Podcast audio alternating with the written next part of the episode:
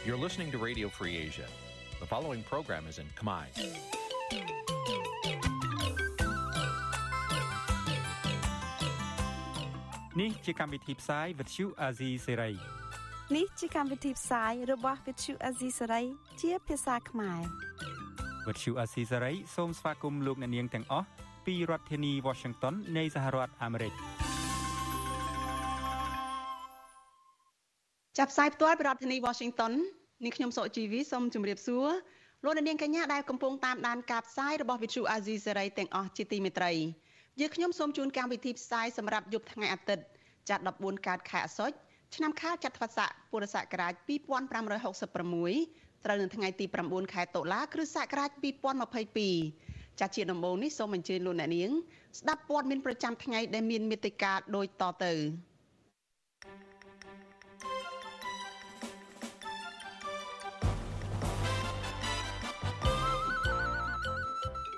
ទឹកជំនន់បណ្ដាលឲ្យស្លាប់មនុស្សជិត20នាក់និងលិចលង់ផលដំណាំរាប់ម៉ឺនហិកតានៅទូទាំងប្រទេសស្ត្រីបរទេសម្នាក់ត្រូវអ ுக ្រិតជនចិនចាស់ចាប់បង្ខាំងនៅភ្នំពេញចម្រិតទារប្រាក់អស់ជាង100000ដុល្លារពលករចំណាក់ស្រុកថាអាញាធរច្រកអន្តរជាតិដងនៅក្នុងខេត្តបាត់ដំបងចម្រិតទារប្រាក់ពេលឆ្លងដែន ប្រជាសហគមន៍ព្រៃមេតាធម្មជាតិអស់ជំនឿលើអភិបាលខេត្តកំពង់ស្ពឺក្នុងការការពារព្រៃសហគមន៍រួមនឹងព័ត៌មានសំខាន់សំខាន់មួយចំនួនទៀតចាជាបន្តទៅទៀតនេះនាងខ្ញុំសុជីវីសូមជូនព័ត៌មានទាំងនេះពិស្ដាចលនានាងជាទីមេត្រីចាគ្រោះទឹកចំនួននៅក្នុងឆ្នាំនេះធ្វើឲ្យខូចផលដំណាំរបស់កសិកររាប់ម៉ឺនហិកតានិងហេដ្ឋារចនាសម្ព័ន្ធជាច្រើនកន្លែងនៅតាមបណ្ដាខេត្តមួយចំនួនក៏រងការខូចខាត ហើយយ៉ាងហោចណាស់ក៏មានមនុស្សជិត20នាក់បានស្លាប់តើតើនៅបញ្ហានេះរដ្ឋាភិបាលបានប្រកាសពីផែនការផ្តល់អតិភិបដោះស្រាយផលប៉ះពាល់ទៅលើផលដំណាំរបស់កសិករតាមរយៈការចុះវាយតម្លៃនិងផ្តល់ពូជដាំដុះប៉ុន្តែកសិករស្នើរដ្ឋាភិបាលថាឲ្យជួយផ្តល់ស្បៀងអាហារដើមទុននិងពូជជាពិសេសគឺជួយសម្របសម្រួលជាមួយនឹងធនាគារ ឲ្យពន្យាពេលក្នុងការបង់ប្រាក់ដើម្បីឲ្យពួកគាត់មានលទ្ធភាពនៅក្នុងការបង្កបង្កើនផលឡើងវិញចាលោកនេះនឹងបានស្ដាប់សេចក្តីរាយការណ៍នេះនៅក្នុងការផ្សាយរបស់យើងនៅពេលបន្តិចទៀតនេះចាលោកនាងកញ្ញាប្រិយមិត្តជាទីមេត្រីចាលោកអ្នកកំពុងតែតាមដានការផ្សាយរបស់ Vithu Azizi សេរីចាប់ផ្សាយចេញពីរដ្ឋធានី Washington សហរដ្ឋអាមេរិក ចាព័ត៌មានជាបន្តទៅទៀតនេះគឺតាក់ទងទៅនឹងស្ត្រីមួយរូបចាដែលត្រូវអ ுக ្រិតជនជនជាតិចិនចាចាប់ចម្រិតអស់ប្រាក់100,000ដុល្លារមន្ត្រីអង្គការសង្គមស៊ីវិលចាប់ព្រួយបារម្ភចំពោះវត្តមានក្រុមអក្រិតជនជនជាតិចិនមួយចំនួន ដែលតែងតែមានអាវុធប្រើប្រាស់និងចាត់ទុកកម្ពុជាគឺជាកន្លែងដែលពួកគេអាចបង្ខាំងមនុស្សដើម្បីចម្រិតទារប្រាក់ក្តីបារម្ភរបស់មន្ត្រីសង្គមស៊ីវិលនេះធ្វើឡើងក្រោយពីកងកម្លាំងកងរាជអាវុធហត្ថម្នាក់ ត្រូវអ ுக ្រិតជនបើកឡានបុកបណ្ដាលឲ្យបាក់ជើង នៅក្នុងហេតុការណ៍ចុះបង្ក្រាបក្រុមប្រដាប់អាវុធជនជាតិចិន ដែលបានចាប់ចម្រិតស្ត្រីបរទេសម្នាក់នៅរាជធានីភ្នំពេញកាលពីពេលថ្មីថ្មីនេះចាប់ពីរដ្ឋធានី Washington លោកមានរិទ្ធរាយការណ៍ព័ត៌មាននេះក្រោមការដឹកនាំរបស់លោកនាយរដ្ឋមន្ត្រីហ៊ុនសែនក្រុមអ ுக ្រិតជនជនជាតិចិន ហាក់មិនខ្លាចញញើតទៅនឹងការបង្ក្រាបរបស់សមាជិកកម្ពុជា និងច្បាប់កម្ពុជាឡើយ ពួកគេតែងតែមានអាវុធទំនើបទំនើបជាមួយអាជីវកម្មបែបអ ுக ្រិតរបស់ពួកគេនៅក្នុងការបង្ខាំងមនុស្សចម្រិតទារប្រាក់ហើយជាញឹកញយអ ுக ្រិតជនជនជាតិចិនទាំងនោះតែងប្រើអាវុធដើម្បីបាញ់តតាំងជាមួយសមាជិកកម្ពុជា ពេលចុះបង្ក្រាបម្ដងម្ដងនាយកទទួលបន្ទុកកិច្ចការទូតនៃអង្គការការពារសិទ្ធិមនុស្សលីកាដូលោកអំសមាតប្រាវិសុយស៊ីស្រីនៅថ្ងៃទី9ខែតុលាថា ករណីជនបរទេសរស់នៅកម្ពុជា ប្រព្រឹត្តបទឧក្រិដ្ឋនិងតែងតែមានអាវុធប្រើប្រាស់តាមទំនឹងចិត្តបែបនេះគឺជារឿងគួរឲ្យព្រួយបារម្ភមួយសម្រាប់សន្តិសុខជាតិនិងសុវត្ថិភាពពលរដ្ឋទូទៅលោកទទូចដល់អាជ្ញាធរមានសមត្ថកិច្ចនិងស្ថាប័នថ្នាក់ជាតិកម្ពុជាកម្ពុជាឲ្យស៊ើបអង្កេតមេខ្លោងធំធំ ដែលពាក់ព័ន្ធនៅពីក្រោយជនជាតិចិនដែលមានអាវុធប្រើប្រាស់នាពេលកន្លងមកនេះ ដើម្បីធានាសន្តិសុខជាតិនិងសន្តិភាពសម្រាប់ប្រជាពលរដ្ឋខ្មែរទូទៅហើយបញ្ហាដែលអាចមានទៅដល់អាវុធប្រើប្រាស់ថែមទៀតនឹងជារឿងធ្ងន់ធ្ងរតើអាវុធទាំងអស់ហ្នឹងបានពីណាមកទៅទៀតណាបញ្ហានេះទោះបីជារឿងជនបរទេសនិងជនបរទេសក៏ដោយក៏វាបង្កការភ័យខ្លាចឬក៏ក៏ភាពអសុវត្ថិភាពសម្រាប់ជនបរទេសជនបរទេសនឹងផងហើយក៏វាបង្កភាពភ័យខ្លាចសម្រាប់ប្រជាពលរដ្ឋយើងដែរ ប្រតិកម្មរបស់មន្ត្រីសង្គមស៊ីវិលរូបនេះធ្វើឡើងបន្ទាប់ពីកងកម្លាំងរាជអាវុធហត្ថរាជធានីភ្នំពេញបានបង្ក្រាបក្រុមអ ுக ្រិតជនប្រដាប់អាវុធជនជាតិចិនចំនួន7នាក់ពាក់ព័ន្ធនឹងករណីបង្ខាំងស្ត្រីជនបរទេសម្នាក់និងបានចម្រិតទារប្រាក់អស់ជាង100000ដុល្លារដែលស្ថិតនៅអាគារខុនដូមួយកន្លែងស្ថិតនៅផ្លូវ60ម៉ែត្រក្នុងសង្កាត់ចាក់អង្រែលើខណ្ឌមានជ័យរាជធានីភ្នំពេញកាលពីថ្ងៃទី7ខែតុលា ស្ត្រីជនរងគ្រោះមានឈ្មោះងវៀងឈីមីងាងកងកម្លាំងប្រដាប់អាវុធរាជធានីភ្នំពេញក៏បានឃាត់ខ្លួនជនសង្ស័យម្នាក់ឈ្មោះអ៊ីផឹងនិងបានបន្តឆែកឆេរដែលរឹបអូសបានកំភ្លើងចំនួន4ដើមនិងថ្នាំញៀនជាច្រើនប្រភេទមួយចំនួនធំផង ជាងនេះទៅទៀតនៅក្នុងអំឡុងពេលដែលកងកម្លាំងមានសមត្ថកិច្ចសួរនាំជនសង្ស័យឈ្មោះអ៊ីផឹងស្រាប់តែក្រុមបកពួករបស់ពួកគេមួយក្រុមទៀតបានព្យាយាមបើករថយន្តទំនើបម៉ាអូឌីសម្ដៅបុកសមត្ថកិច្ចដើម្បីរត់គេចខ្លួននៅក្នុងហេតុការណ៍នោះបណ្ដាលឲ្យកងកម្លាំងអាវុធហត្ថម្នាក់រងរបួសជើង ដែលជាហេតុបណ្ដាលឲ្យមានការផ្ទុះអាវុធបាញ់តដៃគ្នារវាងសមត្ថកិច្ចនិងក្រុមអ ுக ្រិតជន ក្រោយមកទៀតទើបក្រុមអ ுக ្រិតជនបញ្ឈប់សកម្មភាពនិងប្រគល់ខ្លួនជូនសមត្ថកិច្ចតែទៅនឹងបញ្ហានេះអ្នកនាំពាក្យកងរាជអាវុធហត្ថលើផ្ទៃប្រទេសលោកអេងហ៊ីបដិសេធមិនធ្វើអត្ថាធិប្បាយបន្ថែមនោះទេដែលលោកអះអាងថារឿងនេះកំពុងស្ថិតនៅក្នុងនីតិវិធីនៃការស៊ើបអង្កេត ខាងអាយកាអាយកាគាត់ជាអ្នកដឹកនាំណាព្រោះគាត់ស្ថិតនៅក្នុងការស៊ើបអង្កេតឡើយកិច្ចការងារស៊ើបអង្កេតការងារប្រតិបត្តិការជាក់ស្ដែងគឺអាយកាជាអ្នកស្វែងការអញ្ចឹងសូមឲ្យសួរទៅគាត់ផ្ទាល់ណាជាបានទេព្រោះដូចខ្ញុំលើកឡើងយើងព្រោះករណីអញ្ចឹងអញ្ចឹងគឺគេឲ្យខាងនេះអាយកាដឹកនាំផ្ទាល់ហើយអញ្ចឹងសួរនាំអាយកាទាំងអស់បានអ្នកនាំពាក្យនៅនេះមិនមានសមត្ថកិច្ចទេបាទកន្លងទៅរដ្ឋាភិបាលលោកនាយរដ្ឋមន្ត្រីហ៊ុនសានតែងតែលើកពាក្យស្លោកថាចិនគឺជាមិត្តដៃថែប ហើយវិនិយោគិនជនជាតិចិន បានចូលរួមចំណែកយ៉ាងសំខាន់នៅក្នុងការចូលរួមជួយអភិវឌ្ឍប្រទេសកម្ពុជាបន្តិចម្ដងបន្តិចម្ដងជនជាតិចិន បានមកបោះទុនរកស៊ីបើកអាជីវកម្មនៅលើទឹកដីកម្ពុជា គ្រប់បែបយ៉ាង ដែលក្នុងនោះរាប់ទាំងការបើករោងចក្រផលិតគ្រឿងញៀនការសាងសង់អគារបង្ខាំងមនុស្សចាប់ចម្រិតជាដើម លើពីនេះទៀតពួកគេតែងមានកំភ្លើងកាន់កាប់ពេញពេញដៃខណៈពួកគេហាក់មិនខ្លាចញញើតនៅក្នុងការបាញ់សម្លាប់មនុស្សនៅកម្ពុជានោះទេ ជាពិសេសបើទោះបីជារដ្ឋាភិបាលឯកបកបន្តយុទ្ធនាការប្រយុទ្ធប្រឆាំងទៅនឹងអំពើជួញដូរមនុស្សយ៉ាងណាក្តីក៏សេចក្តីរាយការណ៍នានាជាបន្តបន្ទាប់ឲ្យដឹងថាក្រុមអ ுக ្រិតជនជនជាតិចិន នៅតែបន្តអាជីវកម្មបែបអ ுக ្រិតរបស់ពួកគេ នៅក្នុងការបង្ខាំងមនុស្ស ជួញដូរមនុស្សនិងចាប់ចម្រិតមនុស្សទារប្រាក់នៅលើទឹកដីខ្មែរដដែលនាយកទទួលបន្ទុកកិច្ចការទូតនៃអង្គការការពារសិទ្ធិមនុស្សលីកាដូលោកអំសមាតយល់ថាមូលហេតុដែលនាំឲ្យក្រុមអ ுக ្រិតជន នៅតែមិនខ្លាចញញើតចំពោះការបង្ក្រាបពីកម្លាំងសមត្ថកិច្ចកម្ពុជា ហើយពួកគេនៅតែបន្តប្រព្រឹត្តបទឧក្រិដ្ឋនានាពីព្រោះឧក្រិដ្ឋជនទាំងនោះបានដឹងថាកម្ពុជាពុំទាន់មានការអនុវត្តច្បាប់ត្រឹមត្រូវនិងឲ្យមានប្រសិទ្ធភាព ដែលធ្វើឲ្យពួកគេខ្លាចរអានៅឡើយទេខ្ញុំបានមេរិត Visual C ស្រីរាយការណ៍ពីរដ្ឋធានី Washington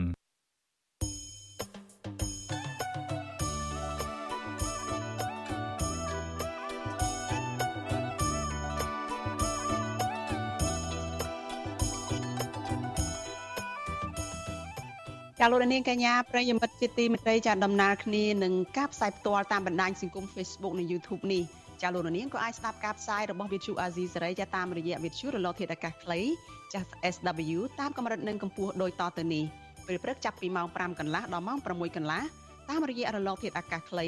12140 kHz ស្មើនឹងកម្ពស់ 25m និង13715 kHz ស្មើនឹងកម្ពស់ 22m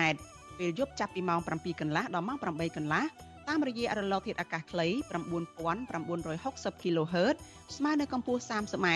12140 kHz ស្មើកម្ពស់ 25m និង11885 kHz ស្មើនឹងកម្ពស់ 25m ចាសសូមអរគុណ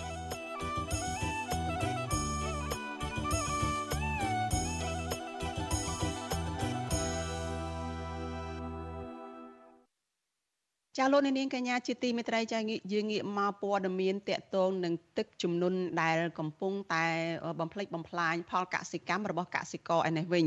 ចាគ្រោះទឹកជំនន់នៅឆ្នាំនេះបានធ្វើឲ្យដំណាំរបស់កសិកររាប់ម៉ឺនហិកតានិងហេដ្ឋារចនាសម្ព័ន្ធជាច្រើនកន្លែងនៅតាមបណ្ដាខេត្តមួយចំនួនរងការខូចខាតហើយយ៉ាងហោចណាស់ក៏មានមនុស្សជិត20នាក់បានស្លាប់ ចាតតទៅនឹងបញ្ហានេះរដ្ឋាភិបាលបានប្រកាសពីផែនការដោយផ្ដល់អតិភិបដោះស្រាយផលប៉ះពាល់ទៅលើផលដំណាំរបស់កសិករចាតាមរយៈការចុះវាយតម្លៃនិងផ្ដល់ពូជដាំដុះប៉ុន្តែកសិករបានស្នើទៅរដ្ឋាភិបាលឲ្យជួយផ្ដល់ស្បៀងអាហារ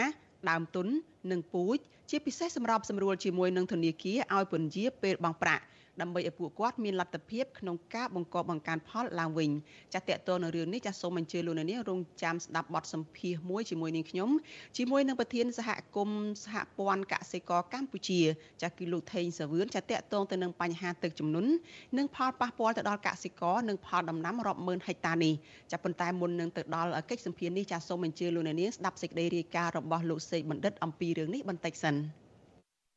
លោកនាយករដ្ឋមន្ត្រីហ៊ុនសែន បានបង្ហោះសារជាសម្លេងមួយ នៅលើបណ្ដាញសង្គម Facebook តាក់ទងនឹងស្ថានភាពទឹកជំនន់ដែលជន់លិចតាមបណ្ដាខេត្តមួយចំនួន កាលពីថ្ងៃទី8ខែកញ្ញា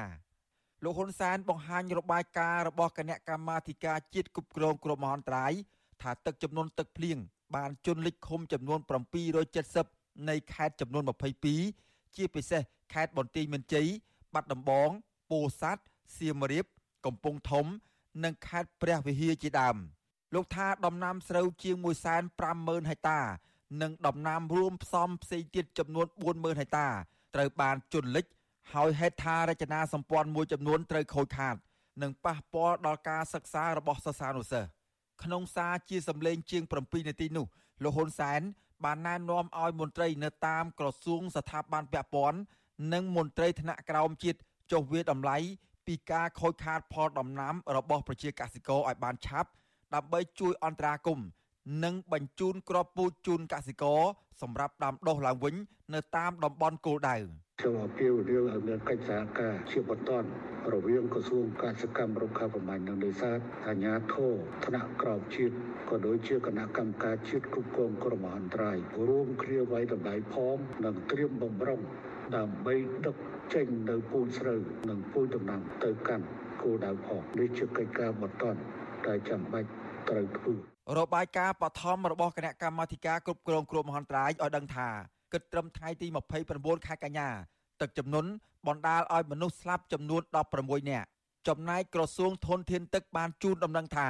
កម្ពុជានឹងបន្តរងឥទ្ធិពលពីជ្រលងប្រព័ន្ធសម្ពាធទាបបណ្ដាលឲ្យមានភ្លៀងធ្លាក់រាយប៉ាយទូទាំងប្រទេស ពីកម្រិតតិចទៅមធ្យមលាយឡំដោយផ្គររន្ទះនិងខ្យល់កន្ត្រាក់ចាប់ពីថ្ងៃទី9ដល់ថ្ងៃទី15ខែកញ្ញា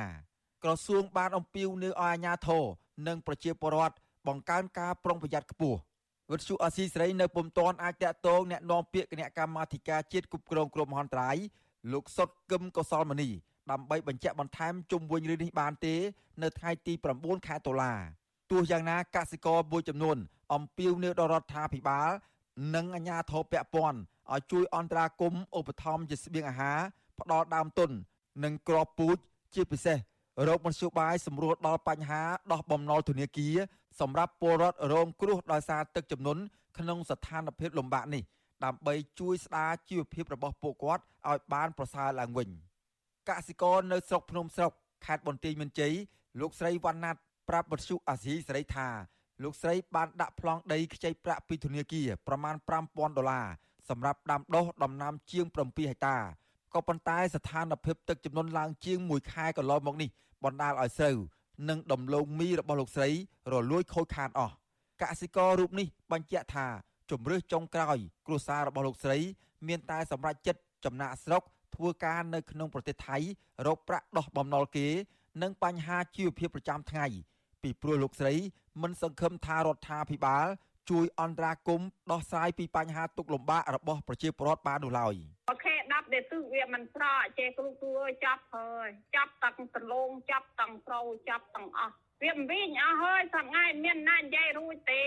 អូយនេះក៏យ៉ាប់បងប្អូនក៏ដាច់បាយដាច់ទិសគ្រូគ្រូអើយងាករោងក៏ក៏អានូនតែងទួយក៏មិននេះអេងក៏វាលិចដេលក៏អូយណៃណៃទេវវរវេដាច់ចាយដាច់ទីតរំពងមានក្នុងពោអុយតរដ្ឋាភិបាលជួយមើលបានអុយក៏បានតង្កឬមួយក៏ស្ឃើញទេលោកគ្រូអើយតែងទូចដើម្បីលើកទឹកចិត្តកូនចៅដែលលួងទឹកអីនេះជុំវិញរឿងនេះ ប្រធានមជ្ឈមណ្ឌលប្រជាពលរដ្ឋដើម្បីអភិវឌ្ឍនិងសន្តិភាពលោកយងកំឯងមានប្រសាសន៍ថាបញ្ហាទឹកចំនួនលិចបានធ្វើឲ្យប្រជាពលរដ្ឋខូចខាតផលដំណាំទ្រព្យសម្បត្តិរបស់ពួកគាត់ដែលប្រឈមនឹងបញ្ហាខ្វះខាតខាងជីវភាពលោកយល់ថាដំណោះស្រាយជាអតិភិបនៅក្នុងរឿងនេះរដ្ឋាភិបាលត្រូវយកចិត្តទុកដាក់ផ្ដល់ស្បៀងអាហារជូនដល់ពលរដ្ឋរងគ្រោះជាបន្ទាន់ទន្ទឹមគ្នានេះដែរលោកចង់ឃើញអាជ្ញាធរពិនិត្យ និងសិក្សាពីផលប៉ះពាល់អំពីទឹកជំនន់ដោយតម្លាភាព ដើម្បីឆ្លើយតបនិងដំណោះស្រាយបញ្ហាប្រឈមជូនដល់ពលរដ្ឋឲ្យមានប្រសិទ្ធភាពខ្ញុំចង់ឲ្យមានការដោះស្រាយនៅបញ្ហាចំពោះមុខឈុំស្បៀងអាហារទៅដល់កូនស្រាប់គាត់ពងជីវភាពដែរបាទនេះជារឿងមួយសំខាន់ដែរបាទ ដើម្បីគាត់បន្តស្រាប់កិច្ចការងារធ្វើកិច្ចការងារតទៀតធ្វើការដាំដុះអីឡើងវិញបានបើកាលណាគ្នាស្រងកគ្នាហ៊ានហួចអស់ហើយគ្នាប្រឈមជីវភាពរស់នៅគ្នាងាយអីទៅហើយគាត់អាចនឹងជ្រើសរើសចម្រាក់ចំណាក់ស្រុកហើយបាទកាលណាជ្រើសរើសចំណាក់ស្រុកវាបថុយបឋានវាជួបបញ្ហាច្រើនបាទអញ្ចឹងបើសិនយើងគាត់ពងឲ្យគាត់ឲ្យគាត់នៅឲ្យគាត់ដាំដុះដើម្បីបានច្រើនកូនគាត់ក៏បានរៀនសូត្រសង្គមស៊ីវិលក៏ចង់ឃើញរដ្ឋាភិបាល ដោះស្រាយបញ្ហាប្រឈមរបស់កសិករនិងប្រជាពលរដ្ឋដែរគឺការផ្ដល់ពូជដំណាំ ការផ្ដល់ប្រាក់កម្ចីក្នុងអត្រាការប្រាក់ទាបដើម្បីឲ្យពួកគាត់ធ្វើដើមទុនដាំដុះនៅពេលទឹកស្រកទៅវិញ បង្កើតការងារក្នុងស្រុកឲ្យពលរដ្ឋមានមុខរបរនិងការរកទីផ្សារលក់កសិផលឲ្យបានមានតម្លៃសមរម្យជូនដល់ប្រជាកសិករសង្គមស៊ីវិលនិងកសិករបារម្ភថា ប្រសិនបើអាជ្ញាធរពាក់ព័ន្ធ មិនដោះស្រាយឲ្យចំគោលដៅនោះទេ ប្រជាពលរដ្ឋនឹងមានជីវភាពកាន់តែដុនដាប ជាពិសេសគឺជំពាក់បំណុលវ៉ាន់កហើយពួកគេនឹងប្រឈមនឹងការរឹបអូសផ្ទះសម្បែងនិងការបោះបង់មុខរបរក្នុងស្រុកហើយធ្វើចំណាក់ស្រុកទាំងប្រថុយប្រឋានទៅរកការងារធ្វើនៅក្រៅប្រទេស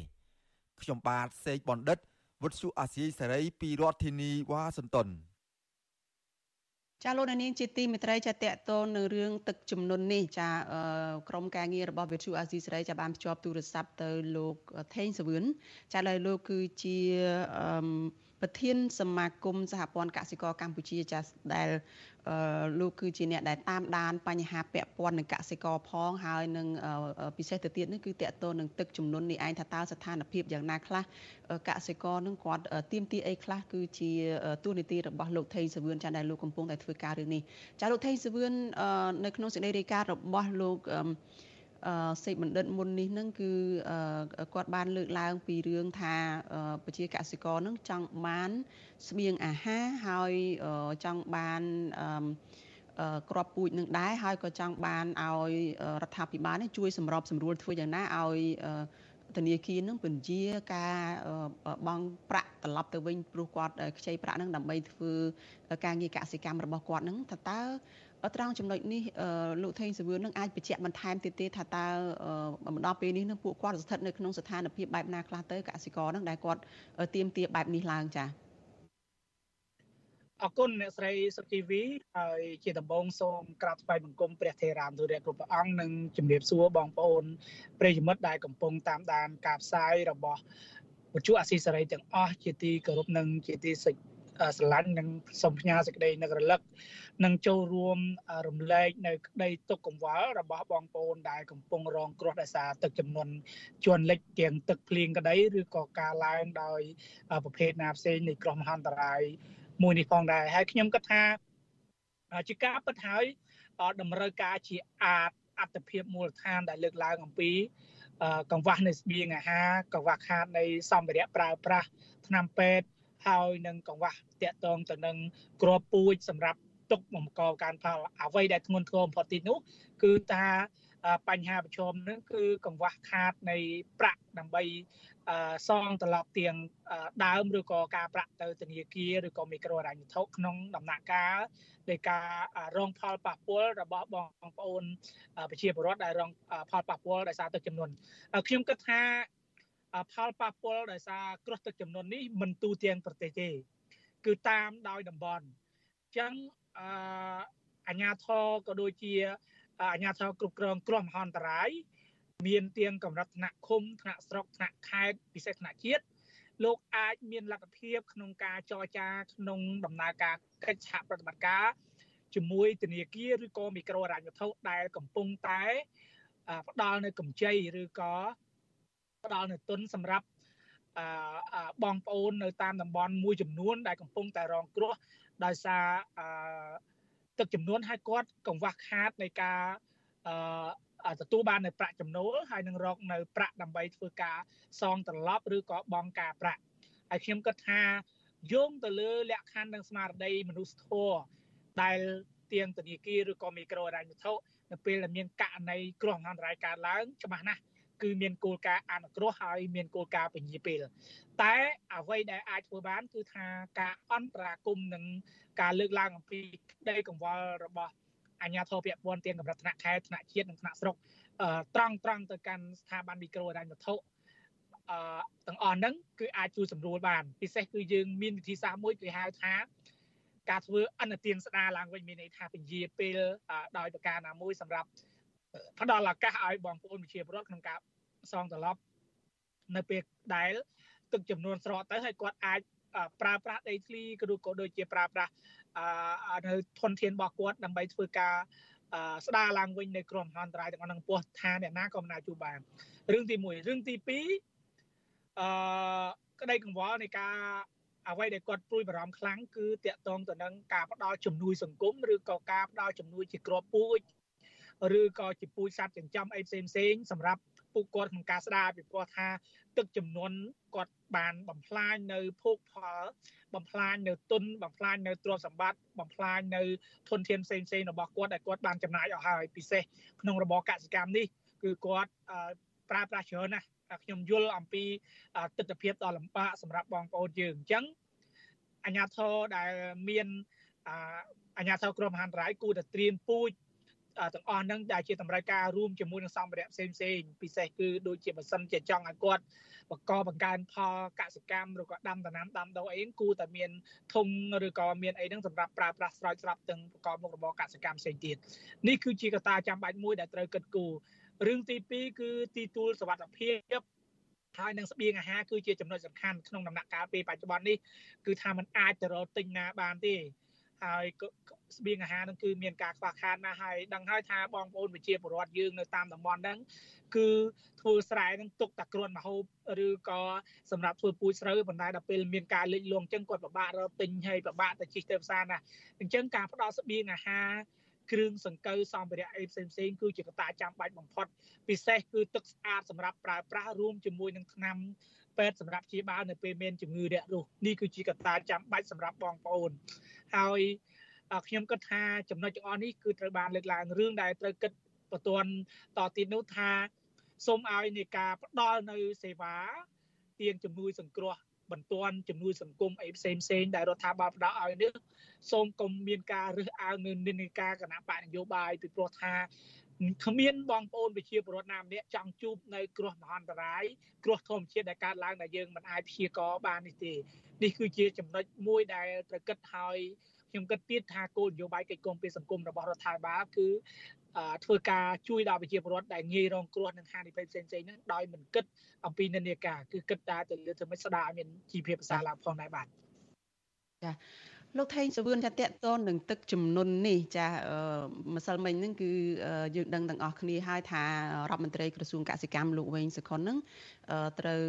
ដកចេញពីតំណែងចាអាចថាមូលហេតុចម្បងហ្នឹងគឺតកតននឹងវិធានការរបស់រដ្ឋាភិបាលចំពោះប្រជាពលរដ្ឋដែលរងគ្រោះដោយទឹកចំនួននឹងឯង អឺតកតទៅនឹងទឹកចំនួននឹងទៀតសោតហ្នឹងក៏នេះមិនមែនជាលើកទី1ទេហើយក៏មិនមែនមានតែរដ្ឋមន្ត្រីកសិកម្មលោកវែងសខុនមួយរូបដែរដែលគាត់ត្រូវទទួលខុសត្រូវ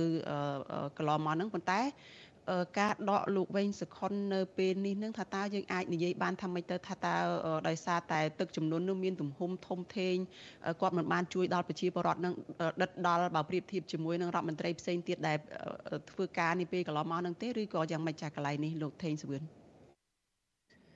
សម្រាប់ខ្ញុំបើមើលពីវិសាលភាពខ្ញុំគិតថាក្រសួងកសិកម្មមានវិសាលភាពធំអាហ្នឹងគឺជាអត្តភាពខ្ពស់នៃការទទួលខុសត្រូវខ្ពស់ជាងគេ ពីព្រោះគាត់ត្រូវធ្វើការស្ដារឡើងវិញគាត់ត្រូវគិតគូរអំពីផែនការផ្ដល់នៅក្របពួយក្របអីហ្នឹងគឺជាសមត្ថកិច្ចរបស់ក្រសួងកសិកម្មហើយមួយវិញទៀតជំនួយសង្គមគេហៅថាជំនួយសង្គ្រោះផ្ទាល់ដូចជាក្របពួយដូចជាស្បៀងអាហារអីហ្នឹងគឺជាកាតព្វកិច្ចរបស់ក្រសួងកសិកម្មដែលត្រូវដឹកនាំហើយត្រូវប្រើប្រាស់នៅសេនាធិការរបស់រដ្ឋដូចជាអាជ្ញាធរខេត្តអាជ្ញាធរឃុំសម្រាប់ធ្វើការឆ្លើយតបនឹងដោះស្រាយបើទោះបីជាមានអាជ្ញាធរ គ្រប់គ្រងគ្រោះមហន្តរាយការដោះស្រាយប៉ុន្តែត្រូវការកិច្ចសហប្រតិបត្តិការពីព្រោះថាការចែកវិស័យនៃការទទួលខុសត្រូវរបស់រដ្ឋមន្ត្រីនីមួយៗទៅតាមផ្នែកមួយៗជាចាំបាច់ប៉ុន្តែរឿងដែលត្រូវគេហៅថាដឹកនាំចម្បងដែលលុះយុទ្ធសាស្ត្រហ្នឹងគឺជាការងាររបស់ផ្នែកកសិកម្មហ្នឹងហើយគឺត្រូវតែប្រមូលទិន្នន័យថាតើខូចខាតនៅផលដំណាំធ្វើការប៉ាន់ប្រមាណ អំពីការខូចខាតនិងធ្វើការប៉ាន់ប្រមាណអំពីតម្រូវការចាំបាច់និងតម្រូវការដោះស្រាយបន្ទាន់ហ្នឹងគឺក្រសួងកសិកម្មហ្នឹងហើយពីព្រោះហេតុអីត្រង់ថាប្រជាពលរដ្ឋទាំងអស់ដែលនៅរស់នៅក្នុងការប្រកបមុខរបរបច្ចុប្បន្នហ្នឹងគឺការប្រកបមុខរបរវិស័យកសិកម្មហ្នឹងឯងអញ្ចឹងសម្រាប់រដ្ឋមន្ត្រីឬក្រសួងពាក់ព័ន្ធផ្សេងផ្សេងទូយ៉ាងដូចក្រសួងសេដ្ឋកិច្ចអីគាត់ចាំជាអ្នកផ្ដល់នៅមធ្យោបាយឬក៏ផ្ដល់នៅថវិកាទេប៉ុន្តែបើអាចតាមនីតិវិធីអាចផ្ដល់នៅថវិកាបាន លុះត្រាតែមានការអ្នកណាគេជាអ្នកស្នើអ្នកណាគេជាអ្នកបណ្តម្លៃអ្នកណាគេជាអ្នកវាយតម្លៃអំពីហេតុផលនិងទំហំនៃផលប៉ះពាល់អញ្ចឹងគឺកតាបកិច្ចមន្ត្រីក្រសួងកសិកម្មក៏ដូចជាក្រសួងអភិវឌ្ឍជនបទខ្ញុំគិតថាក្រសួងអភិវឌ្ឍជនបទក៏ពាក់ព័ន្ធខ្លាំងខ្លាំងដែរហើយនឹងក្រសួងសេដ្ឋកិច្ចរ៉ៃថោរួមជាមួយអាជ្ញាធរស្រុកខេត្តហ្នឹងគឺត្រូវតែធ្វើការជាមួយគ្នាដោយសស័កសស្រាំ ហើយបើមែនតើគ្មានដេកមានពុនក្នុងការងារទូនាទីជាអ្នកទទួលខុសត្រូវខ្ពស់ក្នុងការស្ដារឡើងវិញនៅវិស័យកសិកម្មស្ដារឡើងវិញនៅមុខរបរស្ដារឡើងវិញនៅជីវភាពអាហ្នឹងជារឿងចាំបាច់ដែរទៀមទាឲ្យមានយុទ្ធសាស្ត្រជាងយុទ្ធសាស្ត្របង្ការយុទ្ធសាស្ត្រត្រៀមទុកនិងយុទ្ធសាស្ត្រក្នុងការឆ្លើយតបនៅពេលដែលមានការជួបនៅគ្រោះមហន្តរាយឬក៏ហានិភ័យដែលកើតឡើងនៅលើវិស័យហ្នឹងប៉ុន្តែបើសិនជាបញ្ហានឹងកើតនៅក្នុងទីក្រុងខ្ញុំគិតថា មិនមែនជាកតាបកិច្ចនៅក្នុងទីនេះគឺជាអាជ្ញាធរនៅក្នុងរាជធានីឬក៏អីចឹងទៅប៉ុន្តែកាលណានៅក្នុងខេត្តគឺក្រៅតែពីអាជ្ញាធរស្រុកខេត្តក៏គឺក្រសួងនឹងហើយដែលដើរតួនាទីជាសេនាធិការក្នុងការសម្របសម្រួលកិច្ចការងារថ្នាក់ជាតិដើម្បីឲ្យថវិកាឬក៏ធនធានឬក៏លក្ខខណ្ឌឬក៏តម្រូវការចាំបាច់របស់ប្រជាពលរដ្ឋអាចទទួលទៅបានលុះត្រាតែមានសេនាធិការថ្នាក់ជាតិដែលដើរតួនាទីសំខាន់សម្រាប់កិច្ចការងារនេះអញ្ចឹង ខ្ញុំគិតថាជាគំរូមួយសម្រាប់រដ្ឋមន្ត្រីក្រសួងផ្សេងផ្សេងហើយនឹងសម្រាប់មន្ត្រីខេត្តមន្ត្រីស្រុកនិងមន្ត្រីឃុំដែលទៅមានកាតព្វកិច្ចជាមន្ត្រីសាធារណៈមានទំនួលខុសត្រូវខ្ពស់ក្នុងការទទួលដោះស្រាយនៅពេលដែលជួបវិបត្តិនៅបញ្ហាផ្សេងផ្សេងពីព្រោះថាមានទាំងអស់ហ្នឹងមានចែងនៅក្នុងគោលការណ៍ទាំង ច្បាប់សហលក្ខខណ្ឌប្រតិរាជការនិងកិច្ចការងារសាធារណៈដែលមន្ត្រីត្រូវមានទំនួលខុសត្រូវចំពោះមុខប្រជាពលរដ្ឋពិសេសគឺចំពោះម្ចាស់ឆ្នោតនិងប្រជាពលរដ្ឋដែលខ្លួនកាន់កាប់រឿងទី1រឿងទី2ក៏ជាការបង្ហាញនៅការទំនួលខុសត្រូវដែរដែលលោកនាយករដ្ឋមន្ត្រីគាត់បានបញ្ចប់មុខតំណែងនេះហើយនឹងអាចនឹងផ្ដល់លទ្ធភាពឬក៏ឱកាសដល់អិសរាជជនណាដែលមានសមត្ថភាព មានទាំងយុទ្ធសាស្ត្រវិធីសាស្ត្រក្នុងការដោះស្រាយនិងការឆ្លើយតបពីព្រោះថាយើងមើលប្រទេសសេរីផ្សេងផ្សេងនៅពេលដែលมันមានដំណោះស្រាយឬក៏มันអាចដោះស្រាយបញ្ហារដ្ឋមន្ត្រីទីផ្សេងផ្សេងគេមិនរងចាំរហូតដល់យុរដ្ឋមន្ត្រីសភាឬក៏គេដេញចេញអីទេគឺដាក់លិខិតលាឈប់ឯងហ្មងអញ្ចឹងក្នុងទំនួលមន្ត្រីមុខងារសាធារណៈបើសិនជាខ្ញុំវិញខ្ញុំខ្ញុំមិនអាចដោះស្រាយបញ្ហាបានខ្ញុំនឹងដាក់លិខិតលាឈប់ដោយមិនចាំបាច់រងចាំការបញ្ឈប់ទេ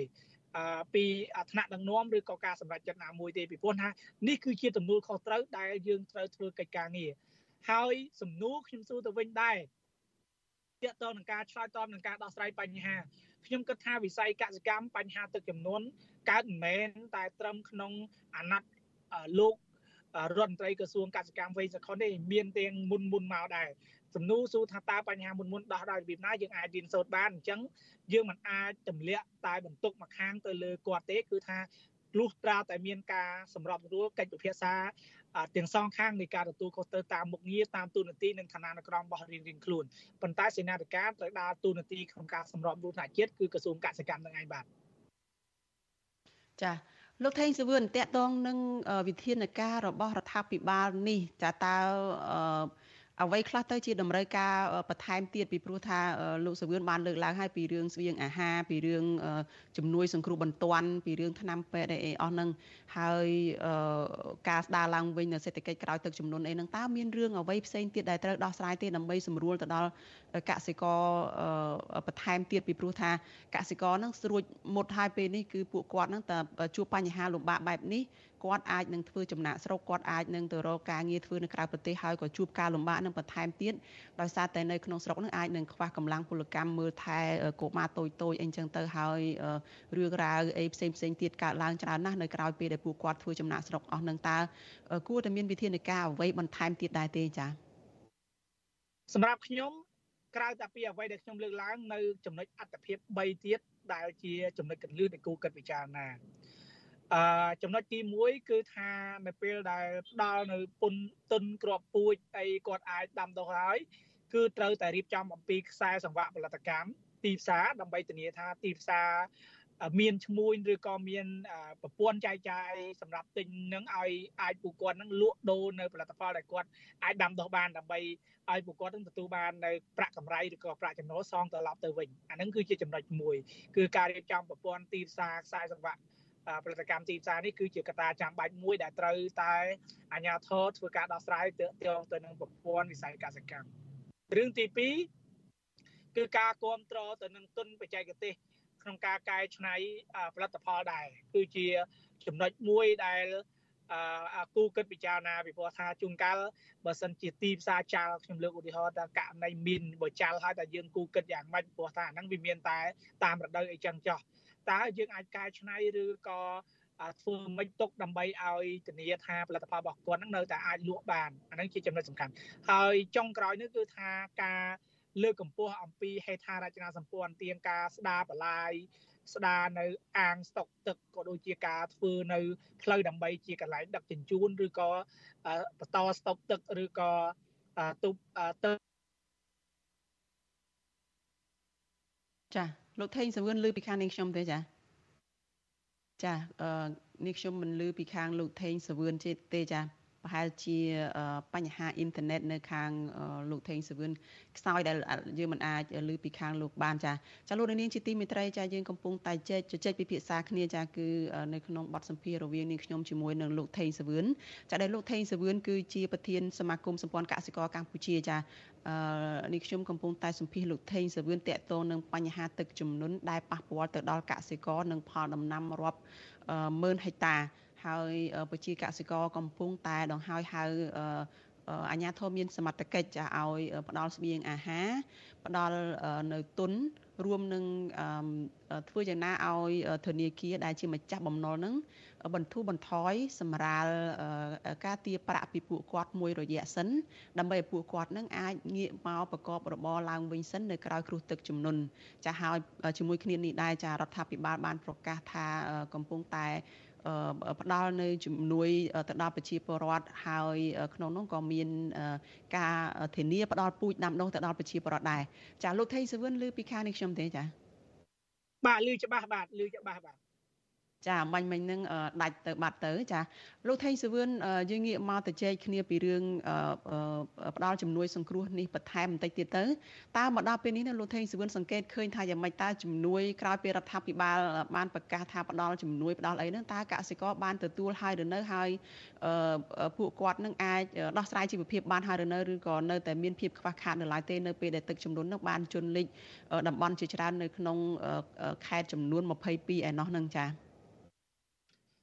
សម្រាប់ខ្ញុំគាត់ថាពេលបច្ចុប្បន្នប្រជាពលរដ្ឋតាមសេចក្តីរាយការណ៍គឺគាត់អាចបានទទួលនៅជំនួយបន្ទាន់ជំនួយបន្ទាន់ហ្នឹងគឺផ្ដោតទៅលើស្បៀងអាហារនិងសម្ភារៈប្រើប្រាស់ខ្លះខ្លះប៉ុន្តែតំបន់ខ្លះមិនទាន់ទៅដល់ទេអាស្រ័យទៅលើលទ្ធភាពនិងសមត្ថភាពនៃការចាត់ចែងរបស់អាជ្ញាធរកម្រិតមូលដ្ឋានឧទាហរណ៍តំបន់ណាខ្លះដែរលោកសុគឿនចាអឺ តំបន់នៅតាមបណ្ដោយទន្លេមេគង្គខ្ញុំបានទទួលបានព័ត៌មាននៅតំបន់បណ្ដោយទន្លេមេគង្គណាទាំងមេគង្គលើមេគង្គក្រោមនៃខេត្តហ្នឹងក៏ទទួលបានហើយមួយចំណែកនៃតំបន់ខេត្តកំពង់ឆ្នាំងពោធិ៍សាត់អីហ្នឹងគឺគាត់បានទទួលនៅខ្លះផងដែរហើយខ្ញុំគិតថាអឺទោះបីយ៉ាងណាប្រហែលជាជាការគិតនឹងសន្តានរបស់ខ្ញុំទេធម្មតាជំនួយនៃការសង្គ្រោះ បន្ទាន់ហ្នឹងគឺគេគិតទៅដំណាក់កាលមានន័យថាឥឡូវហ្នឹងគឺគេនឹងវាតម្លៃពីព្រោះវាមិនអាចធ្វើដំណើរបានទេអញ្ចឹងតាមទូកអញ្ចឹងគិតថាអាហារអូបត្រីសាច់អីជាដើមហ្នឹងឆ្នាំពេទ្យហ្នឹងគឺជាជំនួយដែលត្រូវក្នុងដំណាក់កាលនៃការលិចលង់ប៉ុន្តែ បន្ទាប់ពីលេខលងមហាជាការជំនួយគ្រាប់ពូជនៃការស្ដារឡើងវិញហ្នឹងនឹងត្រូវបានពិចារណានិងគិតឡើងវិញដោយសារតែវាត្រូវការពេលវេលានៃការដឹកជញ្ជូនហើយនឹងស្ថានភាពផ្លូវដែកប៉ុស្តិ៍តំបន់ខ្លះត្រូវលិចទឹកឬក៏ដាច់ទោះបីជាយើងប្រើទូកឬក៏កណូតក៏ដោយប៉ុន្តែវានឹងអាចដឹកបានដោយការប្រើប្រាស់នៅយានជំនួសនៅលើផ្លូវគោកបានទេបាទ ចាអរគុណច្រើនលោកថេងសាវឿនចាយើងនឹងតាមដានបន្តទៅទៀតហើយរឿងទឹកចំនួននេះមិនជាប់មិនទាន់ចប់ទៅទេនៅឡើយទេចាហើយយើងសង្ឃឹមថាប្រជាប្រដ្ឋដែលកំពុងតែជួបរងគ្រោះនេះនឹងទទួលបានជំនួយសង្គ្រោះហើយតាន់ពេលវេលាថែមទៀតចាសូមជម្រាបលាលោកថេងសាវឿនត្រឹមប៉ុណ្ណេះចាជូនពរលោកសុខភាពល្អចាអរគុណសូមជម្រាបលាបងចា ចាលោកនាងកញ្ញាជាទីមេត្រីចាយើងងាកទៅព័ត៌មាននៅឯខេត្តបាត់ដំបងឯណោះចាតកតងនឹងអាញាធរប្រពៃពិធីប្រណាំងទូកចាអាញាធរខេត្តបាត់ដំបងរៀបចំពិធីប្រណាំងទូកចំនួន2ថ្ងៃនៅក្នុងស្ទឹងសង្កែខេត្តក្រុងបាត់ដំបងដែលមានមនុស្សចូលទស្សនារាប់ម៉ឺននាក់នៅថ្ងៃទី9និងទី10ខែតុលាអាញាធរខេត្តបាត់ដំបងលើកឡើងថាការប្រារព្ធពិធីនេះឡើង គឺដើម្បីបង្កើតភាពសប្បាយរីករាយទៅដល់ពលរដ្ឋ និងអភិរក្សបព្វធម៌ប្រពៃណីជាតិ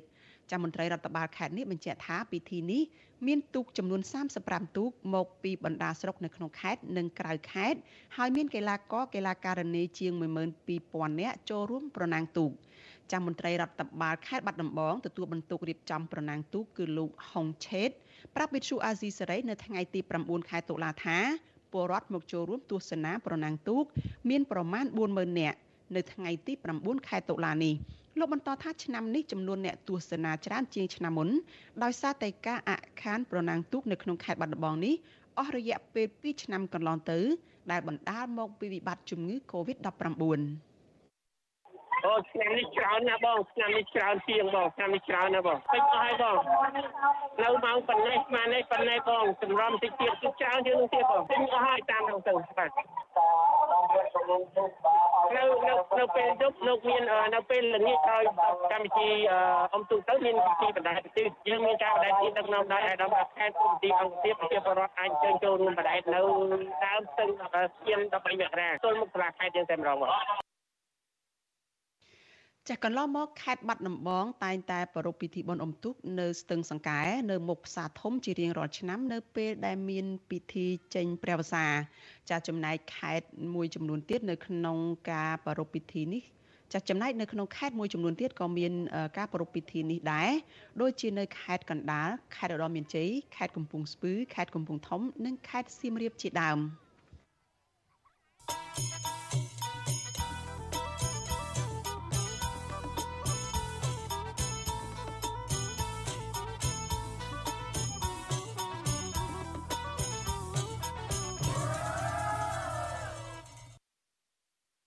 លោកនាងកញ្ញាប្រិយមិត្តជាទីមេត្រីចាសេចក្តីរាយការណ៍នៅក្នុងខេត្តបាត់ដំបងនេះដែរចាប៉ុន្តែតកតងនឹងពលករខ្មែរដែលធ្វើចំណាក់ស្រុកទៅរកការងារធ្វើនៅក្នុងប្រទេសថៃវិញ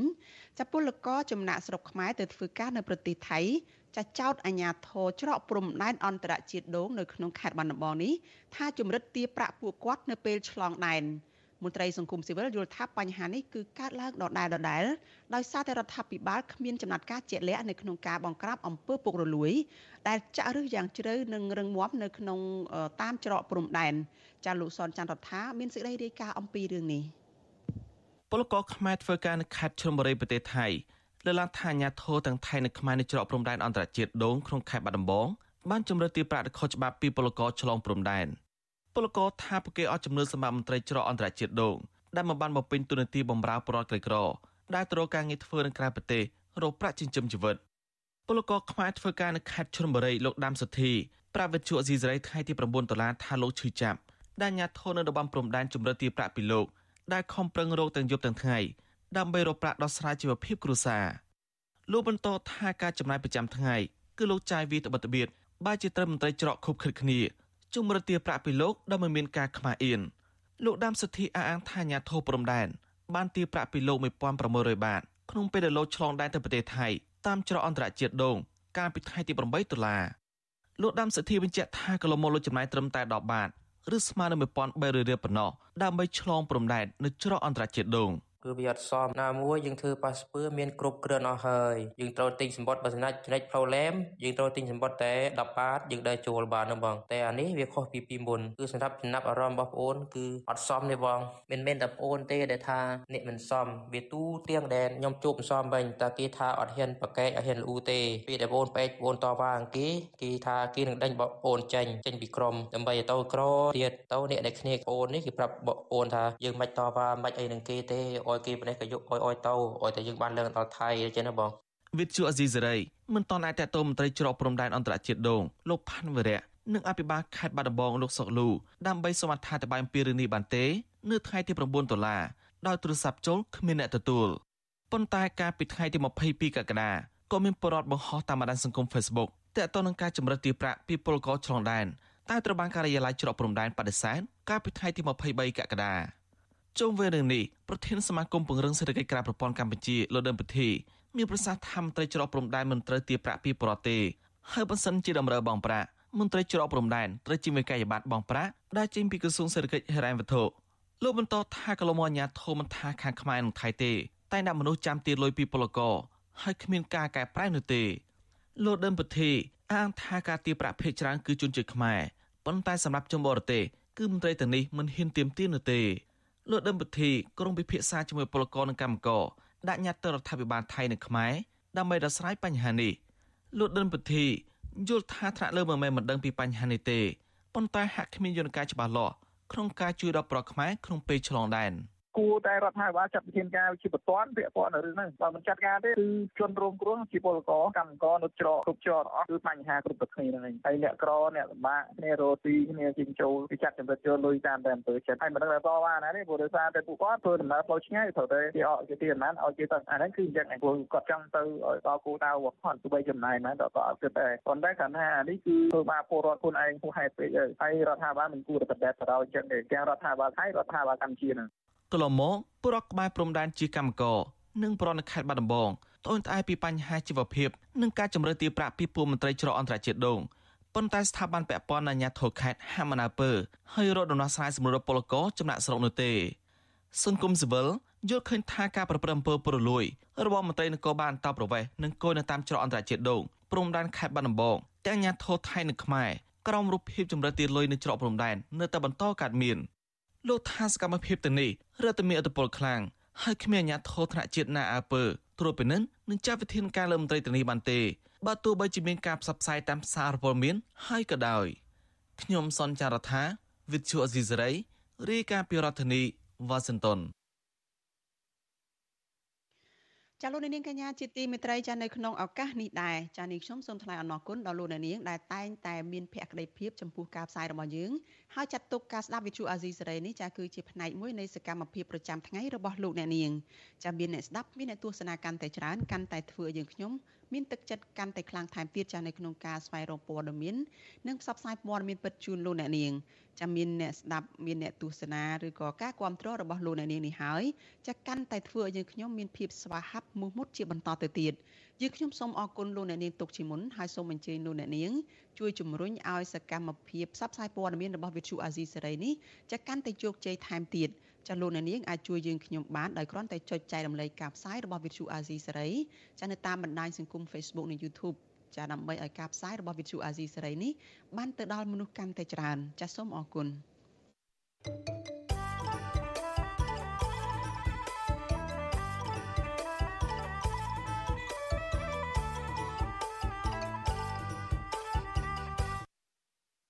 ចាលោកនាងជាទីមេត្រីសេចក្តីរាយការណ៍ពីខេត្តកំពង់ស្ពឺឯណោះឲ្យដឹងថាតំណាងប្រជាសហគមន៍ព្រៃមេតាធម្មជាតិលើកឡើងថាពួកគេអស់ជំនឿលើអភិបាលខេត្តកំពង់ស្ពឺក្នុងការដោះស្រាយបញ្ហាកំពុងកើតមានឡើងនៅក្នុងព្រៃសហគមន៍មេតាធម្មជាតិទៀតហើយមន្ត្រីសង្គមស៊ីវិលលើកឡើងថាអភិបាលខេត្តកំពង់ស្ពឺគួរដោះស្រាយបញ្ហាដែលនៅសេសសល់ហើយកំពុងកើតមានឡើងនៅក្នុងសហគមន៍នេះឲ្យបានឆាប់ដើម្បីឲ្យប្រជាពលរដ្ឋនៅក្នុងសហគមន៍ ផ្ដល់តម្លៃដល់លោកឡើងវិញនិងជៀសវាងទទួលបានការស្ដីបន្ទោសពីថ្នាក់លើសមាជិកសហគមន៍ការពារព្រៃឧត្តមស្រែពោះចាឬព្រៃមេតាធម្មជាតិលោកសយសាទប្រាប់វិទ្យុអាស៊ីសេរីនៅថ្ងៃទី9ខែតុលាថាប្រជាសហគមន៍ព្រៃមេតាធម្មជាតិអស់សង្ឃឹមក្នុងការទទួលបានកិច្ចអន្តរាគមន៍ពីសំណាក់អភិបាលខេត្តកំពង់ស្ពឺលោកវៃសំណាងទៀតហើយពីព្រោះកន្លងមកបើទោះបីជាលោកបានសន្យាជាច្រើន ថានឹងជួយអន្តរាគមន៍ទប់ស្កាត់ការកាប់ព្រៃសហគមន៍និងរោគយុត្តិធម៌ដល់ប្រជាសហគមន៍ក្តីប៉ុន្តែជាក់ស្ដែងលោកអភិបាលខេត្តរូបនេះមិនបានចាត់ការអ្វីឡើយលោកបន្តថាលោកយល់ឃើញថាអភិបាលខេត្តរូបនេះគ្មានឆន្ទៈនៅក្នុងការការពារព្រៃមេតាធម្មជាតិហើយប្រជាសហគមន៍បានព្រមព្រៀងគ្នាថាដាក់ញត្តិជូនលោកយមត្រែនសែននៅក្នុងពេលខាងមុខនេះឆាប់ឆាប់វិញជំនួសឲ្យអភិបាលខេត្តនេះ ចាប់តាំងពីថ្ងៃឈូសឆាយរហូតដល់បច្ចុប្បន្ននេះតាំងពីការបង្ករបស់ស្នាមដល់សហគមន៍ម្ដំត្រៃពោះមាន7រូបមានការដុតគោយន្តបាញ់គោយន្តវាយបង្ករបស់ស្នាម គ្រប់បែបគ្រប់យ៉ាងតាំងពីប្រពុតតមាកបាក់បែកនេះមិនដែលឃើញអភិបាលខេត្តចុះអន្តរាគមឬតាមស៊ើបអង្កេតជនល្មើសទាំងអស់នោះទេមិនដែលឃើញអភិបាលខេត្តចេញមុខដើម្បីធ្វើកិច្ចការនឹងទេក្មួយមិនមានទល់តែសោះ ចាឆ្លើយតបនឹងការលើកឡើងនេះអភិបាលខេត្តកំពង់ស្ពឺគឺលោកវៃសំណាងធ្លាប់ប្រាប់វិទ្យុអាស៊ីសេរីនាពេលកន្លងមកថាចាលោកលោកបានប្រាប់វិទ្យុអាស៊ីសេរីថាកន្លងមកលោកធ្លាប់បានចុះទៅដល់ទីតាំងកັບទន្ទ្រានដីព្រៃសហគមន៍ដែរហើយលោកក៏កំពុងរកដៃគូម្ចាស់ជំនួយផ្សេងផ្សេងដើម្បីបោះបង្គោលឲ្យបានឆាប់រវាងដីសហគមន៍និងដីសម្បត្តិរបស់អង្គភាពយោធាង70តកតោះនឹងការកាប់បំផ្លាញព្រៃឈើការបំផ្លាញបដិមា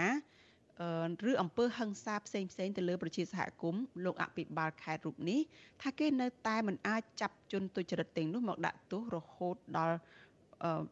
ថាគេអាចនឹងចាអាញាធរអាចនឹងចាប់ជនទុច្ចរិតទាំងនោះមកដាក់ទោសរហូតដល់រយៈពេល10ឆ្នាំឯណោះហើយលោកក៏កំពុងស្វែងរកជនទុច្ចរិតទាំងនោះដែរគឺត្រូវការពេលវេលានៅក្នុងការដោះស្រាយ។ អញ្ចឹងទៅធ្វើរឿងហិង្សាលើអ្នកដតីអានោះរឿងមួយទៀតបាត់ល្មើសព្រហ្មទណ្ឌអោជាប់គុកអូយើងអត់ប្រឡែងទេយើងនៅតែធ្វើអញ្ចឹងហើយគាត់ចេះចង់បានឲ្យយើងធ្វើថ្ងៃហ្នឹងមែនទេអាហ្នឹងចង់និយាយឆន្ទៈមនុស្សអ្នកប្រព្រឹត្តវាអាក្រក់វាមានពើទុច្ចរិតនៅក្នុងហ្នឹងហើយយើងអ្នកដើរតាមរោមិនមែនជាតែរោបានភ្លាមភ្លាមណាបើមិនអញ្ចឹងគេបង្កើតប៉ូលីសពេលអមមកតែមួយថ្ងៃគេលុបចោលវិញបាត់ហើយបើថាបាត់ល្មើសវាសាបលៀបមិនអញ្ចឹងវាវាត្រូវតែបន្តនិរន្តរភាពអញ្ចឹង ចាជុំវិញរឿងនេះអ្នកនាំពាក្យសមាគមការពារសិទ្ធិមនុស្សអាត់6លោកសឹងសែនករណាយល់ឃើញថាការលើកឡើងរបស់លោកអភិបាលខេត្តកំពង់ស្ពឺនេះគ្រាន់តែជាការឆ្លើយដោះសារកិច្ចវេះពីទំនួលខុសត្រូវរបស់ខ្លួនតែប៉ុណ្ណោះលោកយល់ថាប្រិយសហគមន៍មេតាធម្មជាតិគឺជាទ្រព្យសម្បត្តិរបស់ជាតិហើយអាជ្ញាធរខេត្តត្រូវមានទំនួលខុសត្រូវនៅក្នុងការថែរក្សាព្រៃទាំងនោះជាមួយគ្នានេះលោកសឹងសែនករណាបន្ថែមថាលោកវ័យសំណាងគួរចាត់វិធាននៃការជាបន្ទាន់ ក្នុងការស្វែងរកជនទុច្ចរិតដែលធ្លាប់គំរាមកំហែងប្រើអំពើហិង្សានិងបំផ្លាញបដិមាព្រះពុទ្ធនាពេលកន្លងមក ដើម្បីឲ្យប្រជាសហគមន៍គោរពនិងផ្ដល់តម្លៃដល់លោកឡើងវិញគួរតែគាត់ដោះស្រាយបញ្ចប់នៅពេលហ្នឹងទៅវាល្អប្រសើរជាងជាជាងឲ្យពលរដ្ឋឡើងទៅវាប៉ះពាល់ដល់មុខមាត់របស់ខេត្តផងហើយអាចទទួលរងការស្ដីបន្ទោសពីថ្នាក់ដឹកនាំរបស់ខ្លួនអញ្ចឹង ព្រៃសហគមន៍ម្ដំស្រែពោះឬព្រៃមេតាធម្មជាតិមានទំហំជាង800ហិកតានិងមានសត្វព្រៃកម្រជាច្រើនប្រភេទរស់នៅរួមមានទួចក្ងោកមាន់ព្រៃឆ្លុះនិងស្វាជាដើមកាលពីខែសីហាឆ្នាំ2021កន្លងទៅរដ្ឋាភិបាលបានចេញអនុក្រឹត្យជ្រៀលដីព្រៃសហគមន៍ម្ដំស្រែពោះមានទំហំជិត3000ហិកតាពីដែនជំរកសត្វព្រៃភ្នំអរ៉ាល់នៅក្នុងភូមិពោមាស ឃុំត្រពាំងជោស្រុកអរ៉ាល់ខេត្តកំពង់ស្ពឺ ដើម្បីចែកជូនគ្រួសារយោធិនង70កងរថក្រោះ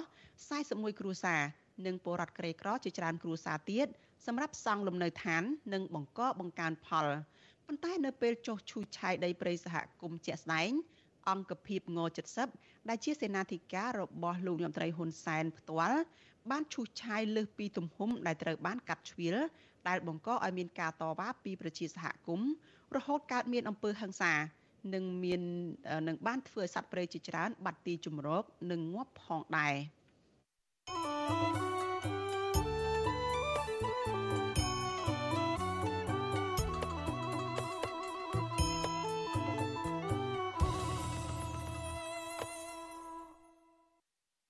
ចាលោកនាងកញ្ញាជាទីមេត្រីចាយើងងាកទៅព័ត៌មានតកតងនឹងពលរដ្ឋខ្មែរក្រោមវិញម្ដង ចាស្ត្រីខ្មែរក្រោមម្នាក់ ដែលក្រុមជនឥនទពាលវៀតណាមបាញ់ឲ្យរបួសធ្ងន់ត្រង់ផ្លូវថាអាញាធរវៀតណាមមិនទាន់ចាប់ជនដៃដល់មកផ្ដន្ទាទោសនៅឡើយទេចាកាលពីថ្ងៃទី27ខែកញ្ញាក្រុមអ្នកលេងជនជាតិវៀតណាមប្រមាណ20នាក់ប្រដាប់ដោយដំបងនិងកំភ្លើង បានហុំព័ទ្ធយកដីរបស់ខ្មែរក្រោមហើយបានបាញ់ស្ត្រីម្នាក់ឲ្យរបួសធ្ងន់ចាលោកយ៉ងច័ន្ទដារារាយការណ៍អំពីរឿងនេះ ស្ត្រីខ្មែរក្រមដែលត្រូវក្រុមជនអន្តពាលវៀតណាមបាញ់ឲ្យរបួសធ្ងន់កំពុងទន្ទឹងរង់ចាំយុត្តិធម៌ពីអាជ្ញាធរវៀតណាមក៏ប៉ុន្តែមកទល់នឹងពេលនេះអាជ្ញាធរវៀតណាមមិនទាន់មានចំណាត់ការទៅលើជនល្មើសនៅឡើយទេពលរដ្ឋខ្មែរក្រមដែលជនជាតិវៀតណាមបាញ់ឲ្យរបួសចំភ្លៅនៅស្រុកភ្នំដីខេត្តក្រមួនសកម្ពុជាក្រោមលោកស្រីយ៉ាញ់ធីច័ន្ទផៃប្រាប់វិទ្យុអាស៊ីសេរីនៅថ្ងៃទី9ខែតុលាថាអ៊ំប្រុសរបស់លោកស្រី បានដាក់ពាក្យបណ្ដឹងជំនួសលោកស្រី ទៅនគរបាលស្រុកភ្នំដី និងនគរបាលខេត្តក្រមួនសរួចហើយក្រោយពីគេបាញ់លោកស្រីបាន2ថ្ងៃក៏ប៉ុន្តែមកទល់នឹងពេលនេះអាញាធរវៀតណាមមិនទាន់ចាប់ជនដៃដល់រូបនោះយកមកផ្ដន់ទាទោសតាមច្បាប់នៅឡើយទេ លោកស្រីសង្ស័យថាអាញាធរវៀតណាមគឺជាអ្នកនៅពីក្រោយក្រុមបងធំទាំងអស់នោះពីព្រោះប្រជាពលរដ្ឋសាមញ្ញមិនអាចប្រើកាំភ្លើងបានទេ នៅក្នុងប្រទេសវៀតណាម។ លោកស្រីយ៉ាញ់ធីច័ន្ទផៃទាមទារឲ្យអាជ្ញាធរវៀតណាមតាមរកមុខជនដៃដល់យកមកដាក់ពន្ធនាគារនិងសងថ្លៃព្យាបាលព្រមទាំងសងជំងឺចិត្តដល់លោកស្រីវិញចង់បានចាប់មើលដាច់ខ្ញុំហ្នឹងចូលគុកគឺឆ្លក់សងកាក់ឆ្នាំសងកាក់អីឲ្យខ្ញុំគ្រប់សពវិញបានហើយគឺមិនចាប់វើខាច់វើក៏កោចុះមកទៀតវើបាញ់ចឹងទៀតណា អាញាធរវៀតណាមនិងក្រុមបងធំជនជាតិវៀតណាមមួយក្រុមមានគ្នាប្រមាណ20នាក់បាននាំយកគ្រឿងចាក់មកឈូសឆាយដីស្រែចម្ការរបស់ពលរដ្ឋខ្មែរក្រោមដើម្បីពាត់របងយកដីនោះឲ្យអ្នកមានអំណាចម្នាក់នៅស្រុកភ្នំដីខេត្តក្រមួនសកាលពីពេលថ្មីថ្មីនេះពេលដែលប្រជាពលរដ្ឋខ្មែរក្រោមចេញមកតវ៉ាក៏បានផ្ទុះអំពើហិង្សា ហើយជនជាតិវៀតណាម បានដកកំភ្លើងបាញ់ចំភ្លៅរបស់លោកស្រីយ៉ាញ់ធីច័ន្ទផៃបណ្ដាលឲ្យលោកស្រីរងរបួសធ្ងន់ វិទ្យុអាស៊ីសេរីមិនអាចតាក់ទងសុំការបកស្រាយបំភ្លឺជុំវិញបញ្ហានេះពីនគរបាលស្រុកភ្នំដី និងនគរបាលខេត្តក្រមួនសព្រមទាំងមន្ត្រីស្ថានទូតវៀតណាមប្រចាំកម្ពុជាបានទេ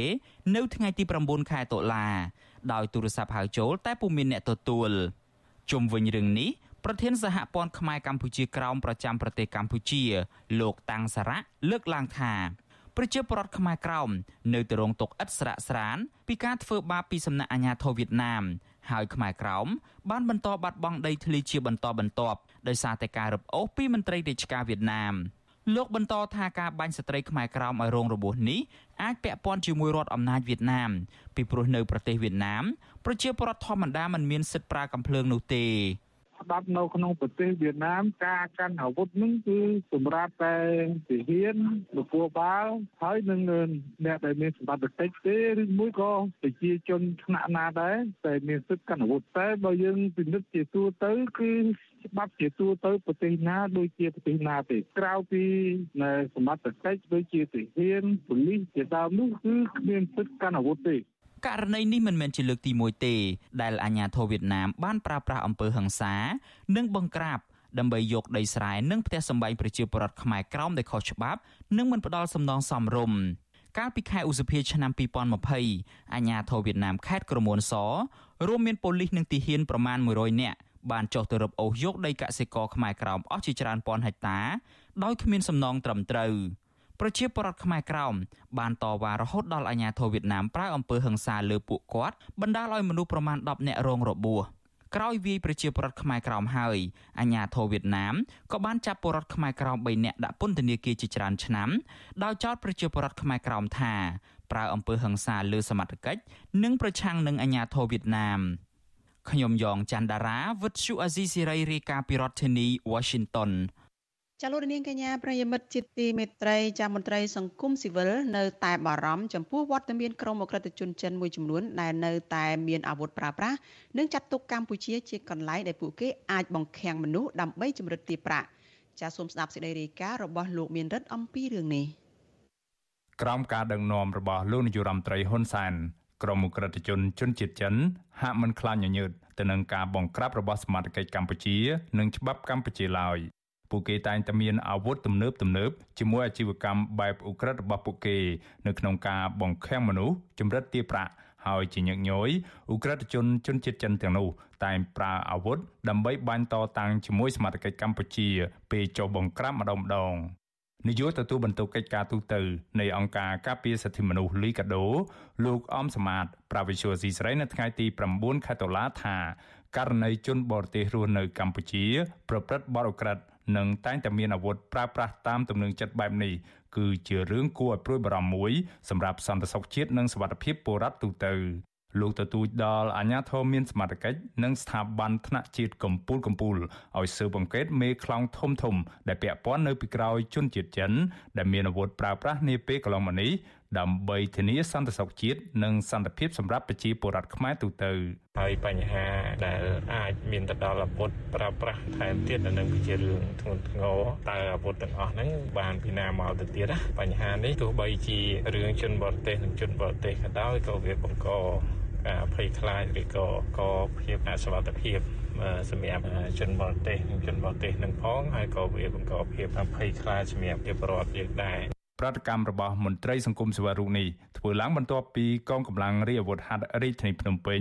បានបង្ក្រាបក្រុមអ ுக ្រិតជនប្រដាប់អាវុធជនជាតិចិនចំនួន7នាក់ពាក់ព័ន្ធនឹងករណីបង្ខាំងស្ត្រីជនបរទេសម្នាក់និងបានចម្រិតទារប្រាក់អស់ជាង100000ដុល្លារដែលស្ថិតនៅអាគារខុនដូមួយកន្លែងស្ថិតនៅផ្លូវ60ម៉ែត្រក្នុងសង្កាត់ចាក់អង្រែលើខណ្ឌមានជ័យរាជធានីភ្នំពេញកាលពីថ្ងៃទី7ខែតុលា ស្ត្រីជនរងគ្រោះមានឈ្មោះងវៀងឈីមីងាង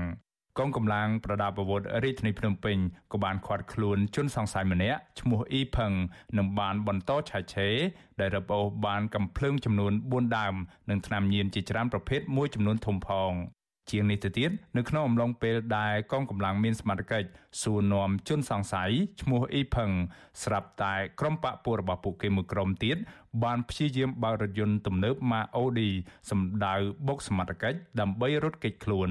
នៅក្នុងហេតុការណ៍នោះបណ្ដាលឲ្យកងកម្លាំងអាវុធហត្ថម្នាក់រងរបួសជើង ដែលជាហេតុបណ្ដាលឲ្យមានការផ្ទុះអាវុធបាញ់តដៃគ្នារវាងសមត្ថកិច្ចនិងក្រុមអ ுக ្រិតជនក្រោយមកទៀត ទើបក្រុមអ ுக ្រិតជនបញ្ឈប់សកម្មភាព និងប្រគល់ខ្លួនជូនសមត្ថកិច្ច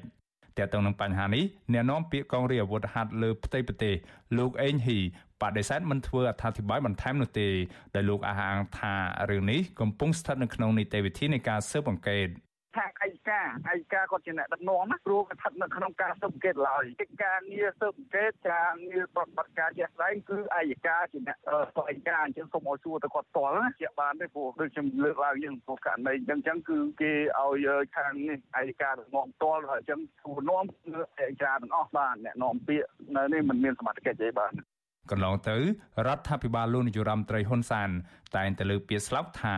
ចិនគឺជាមិត្តដៃថែប ហើយវិនិយោគិនជនជាតិចិន បានចូលរួមចំណែកយ៉ាងសំខាន់នៅក្នុងការចូលរួមជួយអភិវឌ្ឍប្រទេសកម្ពុជាបន្តិចម្ដងបន្តិចម្ដងជនជាតិចិន បានមកបោះទុនរកស៊ីបើកអាជីវកម្មនៅលើទឹកដីកម្ពុជា គ្រប់បែបយ៉ាង ដែលក្នុងនោះរាប់ទាំងការបើករោងចក្រផលិតគ្រឿងញៀនការសាងសង់អគារបង្ខាំងមនុស្សចាប់ចម្រិតជាដើម លើពីនេះទៀតពួកគេតែងមានកំភ្លើងកាន់កាប់ពេញពេញដៃខណៈពួកគេហាក់មិនខ្លាចញញើតនៅក្នុងការបាញ់សម្លាប់មនុស្សនៅកម្ពុជានោះទេជាពិសេសបើទោះបីជារដ្ឋាភិបាលឯកបៈបន្តយុទ្ធនាការប្រយុទ្ធប្រឆាំងទៅនឹងអំពើជួញដូរមនុស្សយ៉ាងណាក្តី